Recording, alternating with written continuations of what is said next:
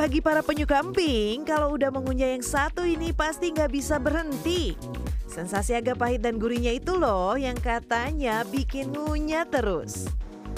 Emping ini berasal dari biji melinjo. Sementara kulit dan daunnya juga sering diolah menjadi beragam masakan. Di antaranya menjadi campuran isi sayur asam dan sayur lodeh. Namun banyak yang belum tahu khasiat yang ada di tanaman bernama latin Netum nemon ini. Eh, di sayur asam, terus sama emping, jadiin emping. Gitu dong. Asiatnya nggak tahu sama sekali sih. Kalau khasiatnya saya kurang tahu ya kak. Setahu saya orang pada ngindarin makan melinjo, emping, karena takut asam urat, kolesterol gitu. Saya sendiri juga takut makan melinjo. Dokter spesialis gizi klinik RSUD Muwardi Solo Amelia Agustina menyatakan, biji melinjo mengandung zat purin.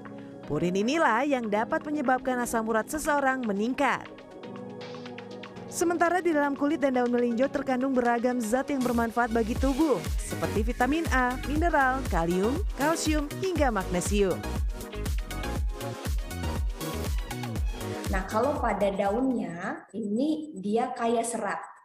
Ya, Dia kaya serat, kemudian kaya vitamin dan mineral. Vitaminnya ada vitamin A, mineralnya ada besi, ada fosfor, kemudian ada kalium, kalsium, magnesium sehingga kalau makan daunnya justru malah bermanfaat baik untuk melancarkan melancarkan pencernaan, kemudian baik juga untuk daya tahan tubuh karena mengandung antioksidan, kemudian juga dia bisa melawan radikal bebas karena tadi mengandung vitamin dan mineral.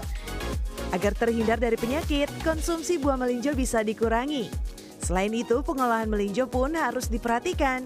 Kurangi penggunaan santan untuk menghindari konsumsi kalori yang berlebihan. Siva Maulida, Fajar Ahmad, Jakarta.